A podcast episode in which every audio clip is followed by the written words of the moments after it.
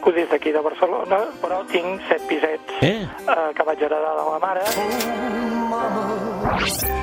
Eh, Set pisos? En el barri de Poble Sec, concretament. No, no puc opinar. Clar, set pisets, no sé si es considera petit propietari, però em sembla una petita gran fortuna, si m'ho deixes dir així. 61.500. Amb el... Jo tampoc eh, no considero, tampoc... A veure, no, no és una gran fortuna, Por favor, home, per l'amor de Déu. penalitza l'especulació. Si deixa la política, es dedicarà a, a fer la tesi doctoral i a la docència? I de què viuré, de què menjaré.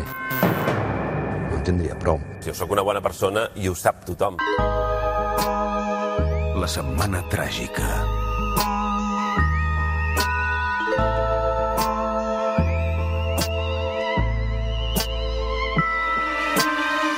A Londres, una setmana més, la setmana tràgica, ens hi esperen el Toni Rodon, doctor europeu en Ciències Polítiques, professor de la Universitat eh, Pompeu Fabra. Bon dia, Toni, què tal?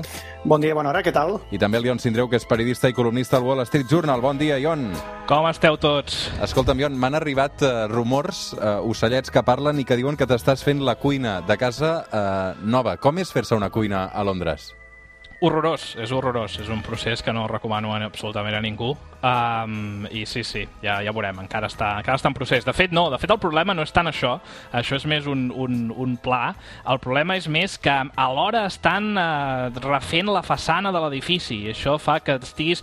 Jo, jo no, no, crec que d'això no n'he parlat mai, però jo tinc una maledicció, perquè algun dia algú, algú em, va, em va fer un malefici, en què arreu on vaig sempre hi ha taladradores. No sé si, si us passa a vosaltres a mi també, també m'ha jo... passat, eh? Vull dir que sí. Sí.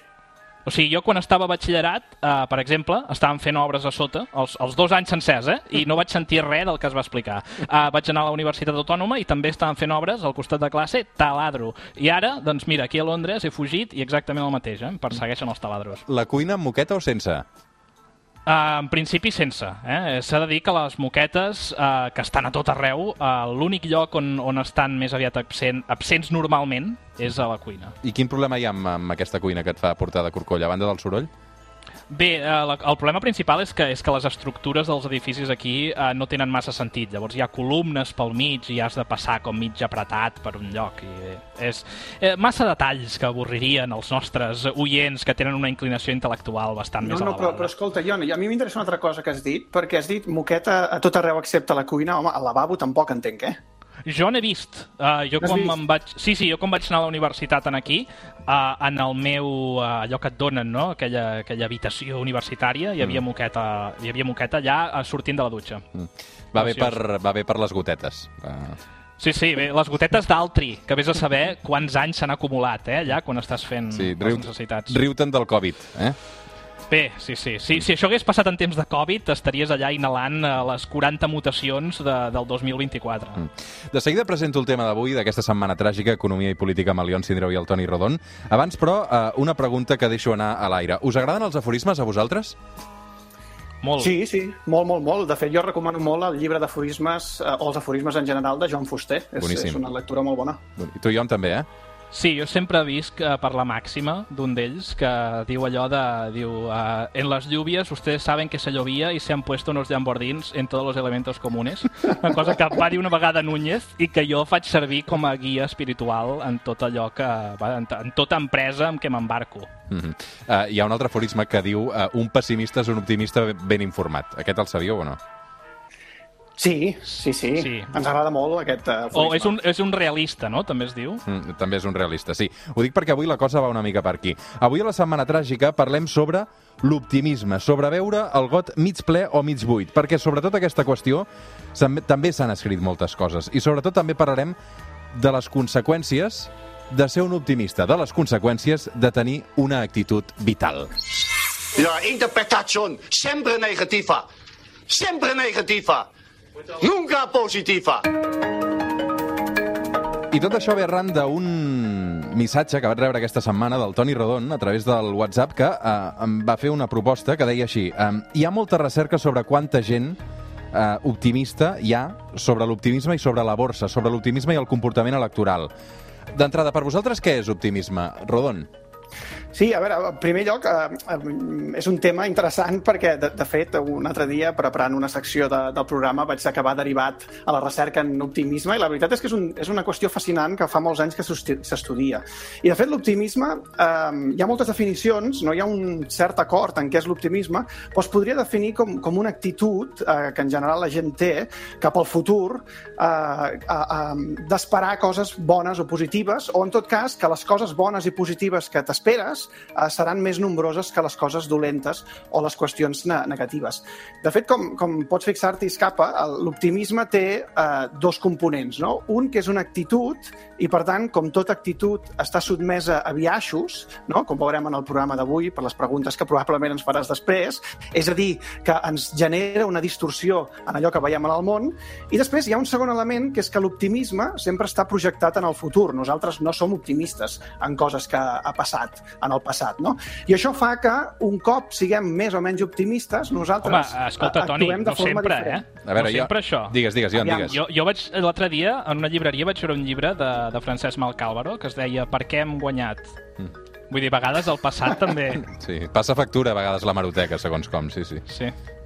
Sí, però en general um, l'optimisme uh, es projecta més doncs, cap endavant, no? Quan, quan, imagina't que passes de pessimista a optimista durant un dia que, no sé, lleves més content o més feliç, i aleshores aquell dia probablement actuaràs molt diferent que si t'haguessis llevat pessimista, no? És a dir, és una actitud que de cop, sigui perquè l'aprenem o sigui perquè és innata a nosaltres, ens fa actuar d'una forma diferent. Si és bona o no, això depèn del camp, eh? però en tot cas genera una, un canvi de comportament. I aquesta recerca que dieu que hi ha sobre, sobre aquesta manera de fer, aquesta manera de viure, aquest optimisme, que dieu que hi ha investigadors que s'hi dedica fins i tot la sociologia, la psicologia, entenc que la ciència política també deu fer les seves històries, um, quines conclusions arriba? És a dir, als optimistes els va millor la vida en general o només és una actitud?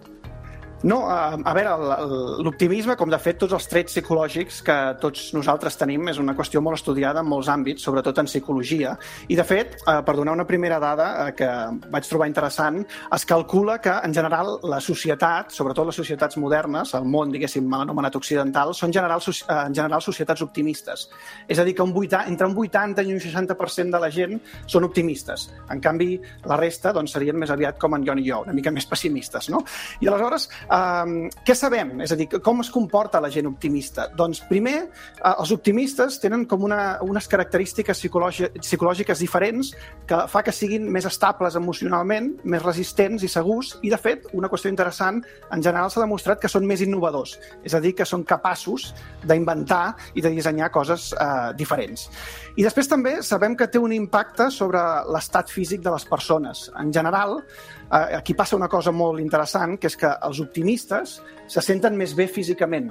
Això no vol dir que estiguin millor físicament. És a dir, potser objectivament, eh, a nivell físic, estan igual de fotuts que una altra persona, però a nivell subjectiu això els fa doncs, ser, eh, més, estar més contents amb la seva salut eh, física. Per tant, diguéssim que un, de, un dels primers passos per sentir-se millor amb un mateix, per exemple, si un fa règim i es vol aprimar, doncs és primer ser optimista amb, amb, el, amb el futur i amb el seu propi cos. No? Mm.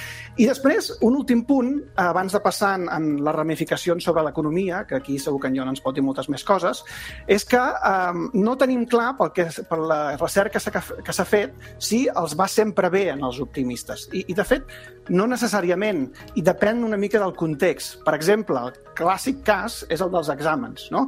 que l'accés d'optimista, de fet, d'optimisme pot ser dolent, aquell típic cas, no? Et confies, et confies... Sí, allò, ui, això és fàcil, ho estudiaré dues hores abans, o ja m'ho explicarà aquest amic i em trauré l'examen de, de, de forma fàcil, no?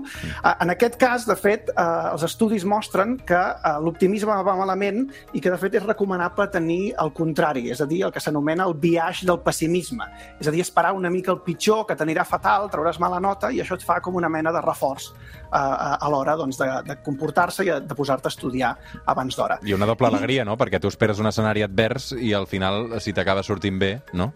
Efectivament. Jo també soc, de... jo, jo soc més partidari d'aquesta segona opció, eh? d'esperar de, de, el pitjor i després tot el que vingui de bo, doncs mira, eh, està regalat, saps?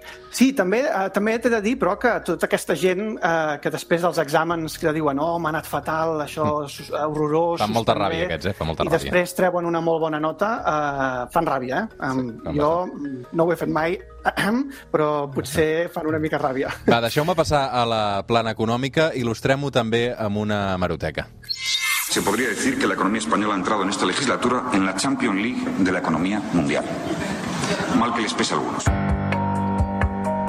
Clar, Sindreu, eh, per Sí. un àmbit com el teu, el de l'economia i de les inversions, eh, l'optimisme també pot fer males passades, eh, com en aquest cas que hem sentit. Era la Champions League, però com la del Covid era partit únic i també va acabar doncs 2 a 8.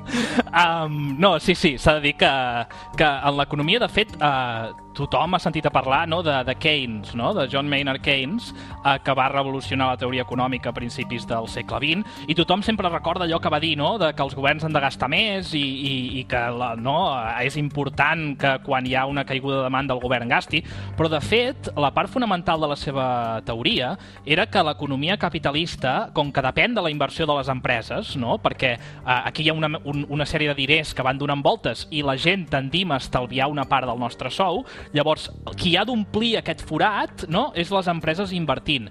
I clar, eh, això la, els economistes clàssics deia que això ja s'equilibrava sol, no? a través dels tipus d'interès i altres històries, eh, però Keynes va dir no, no, perquè això depèn de si els empresaris són optimistes o pessimistes, no? i ho lligava amb els mercats financers. De fet, ell, eh, Keynes, era un senyor que es dedicava a especular molt en els mercats de divises, a la borsa i coses així, i va arribar a guanyar molts diners, però també va arribar a perdre molts diners, no? I per tant, eh, molt del que ell va escriure, eh, doncs ho va escriure pensant en això, no? En, aquest, en, en aquestes històries que passen als mercats financers, que de, de, de cop tothom comença a especular, però de cop tothom comença a vendre, no? Allò del compra-compra, no? I del ven-ven, tot això.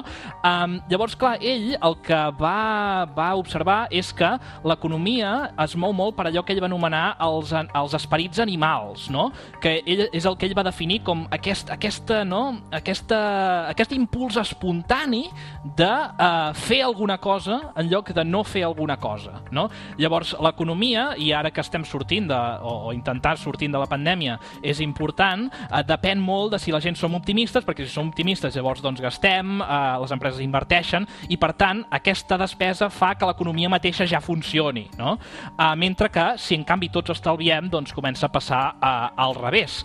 Um, i la gran pregunta aquí és si tu ara tens uns diners, escapa, quan comprar accions, no? Sí, no. Uh, les compres en el moment que tot està anant cap amunt i tothom és optimista, no? Uh, o les vens quan no tot és un desastre i llavors és aquella idea de ja rebotarà, no?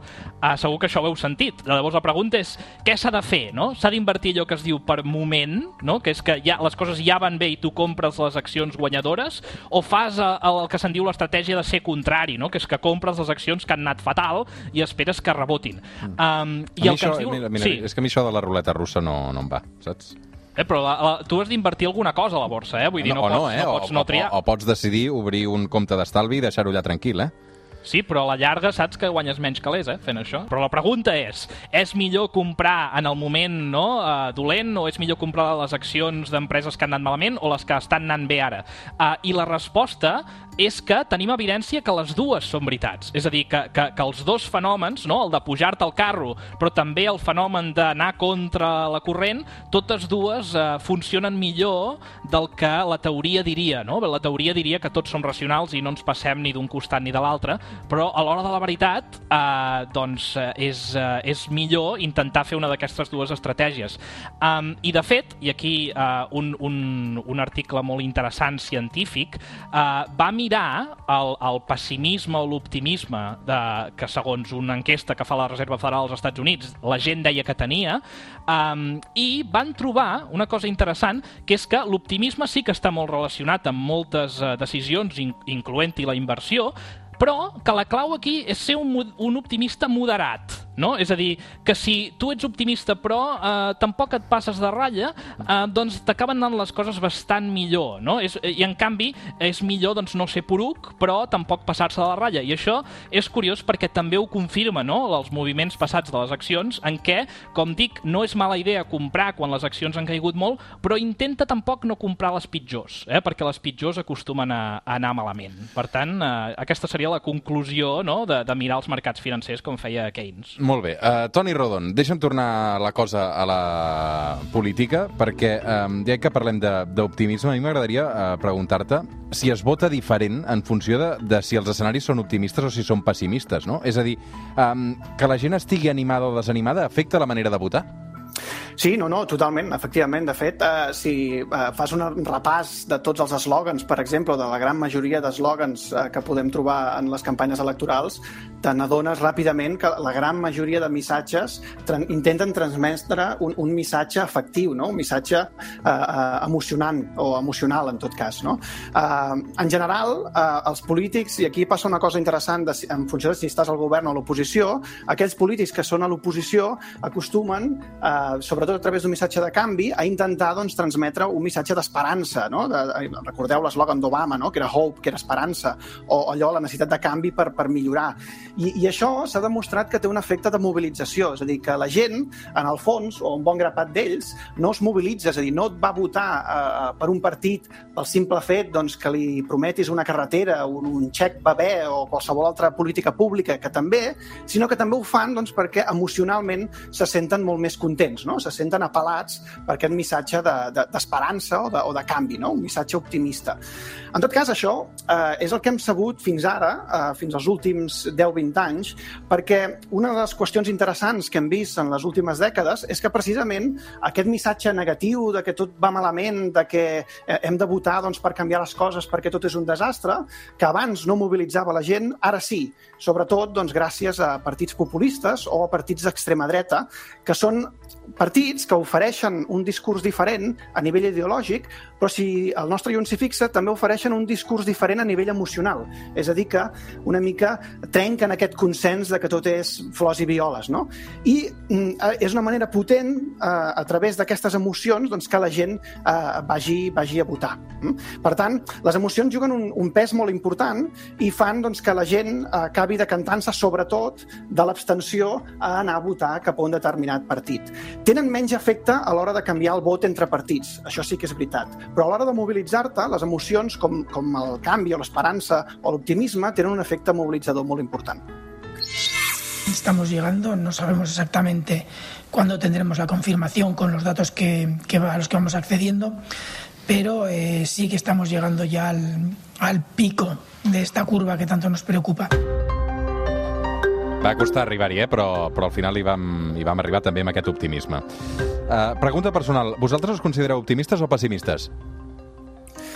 Jo, en certa manera, tinc aquest viatge del pessimisme que començava a, a explicar el programa explicant. Més aviat pessimista, diria, sí. Jo sóc realista. Vull dir, a mi, a mi a mi, jo, jo en el fons sempre espero perdona, perdona, perdona. Això és com quan et pregunten si ets feminista i dius, no, jo, jo sóc, uh, jo vull la igualtat. Sí, però és que en aquest sentit és el que vol dir, no? Uh, però uh, jo, jo, jo, jo sempre espero el millor, Escapa. El que passa és que la, la vida m'ha ensenyat que el que passa normalment tendeix a ser el pitjor. Um, però en tot, cas, en tot cas, jo crec que el més important... Saps allò, allò d'aquell no? aquell aforisme dels optimistes de sigues tu mateix? Sí. Jo crec que el més important és, és no ser tu mateix, perquè um, estadísticament ets un imbècil. Llavors, és, és millor intentar contenir les teves pulsions eh, per ser una persona doncs, eh, més eh, raonable. Eh? Seria la conclusió a la qual jo arribo. déu nhi Una conclusió de màxims, eh, Ion?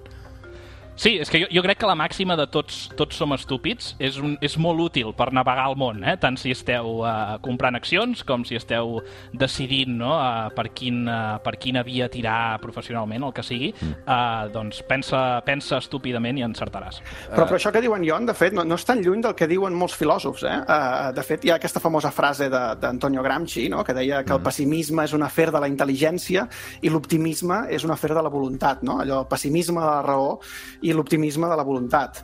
I bé, que és una frase que, que ell va escriure quan estava a la presó, eh, que va estar empresonat molts anys, i bàsicament ve dir això, no? que eh, a nivell d'intel·ligència, a nivell de raó, les coses estan molt fotudes, per tant hem de ser pessimistes. No? Després, a, a l'hora d'actuar, hem d'intentar buscar optimisme en els llocs, perquè és l'única manera d'actuar eh, per intentar canviar alguna cosa, perquè si ho féssim des d'un punt de vista superracional, objectiu i, i fins i tot escèptic, eh, bàsicament ens deprimiríem a, a I no ens tiraríem, moltes situacions. no ens tiraríem en paracaigudes, com fa l'escapa, això que fa per Efectivament. les promos, no?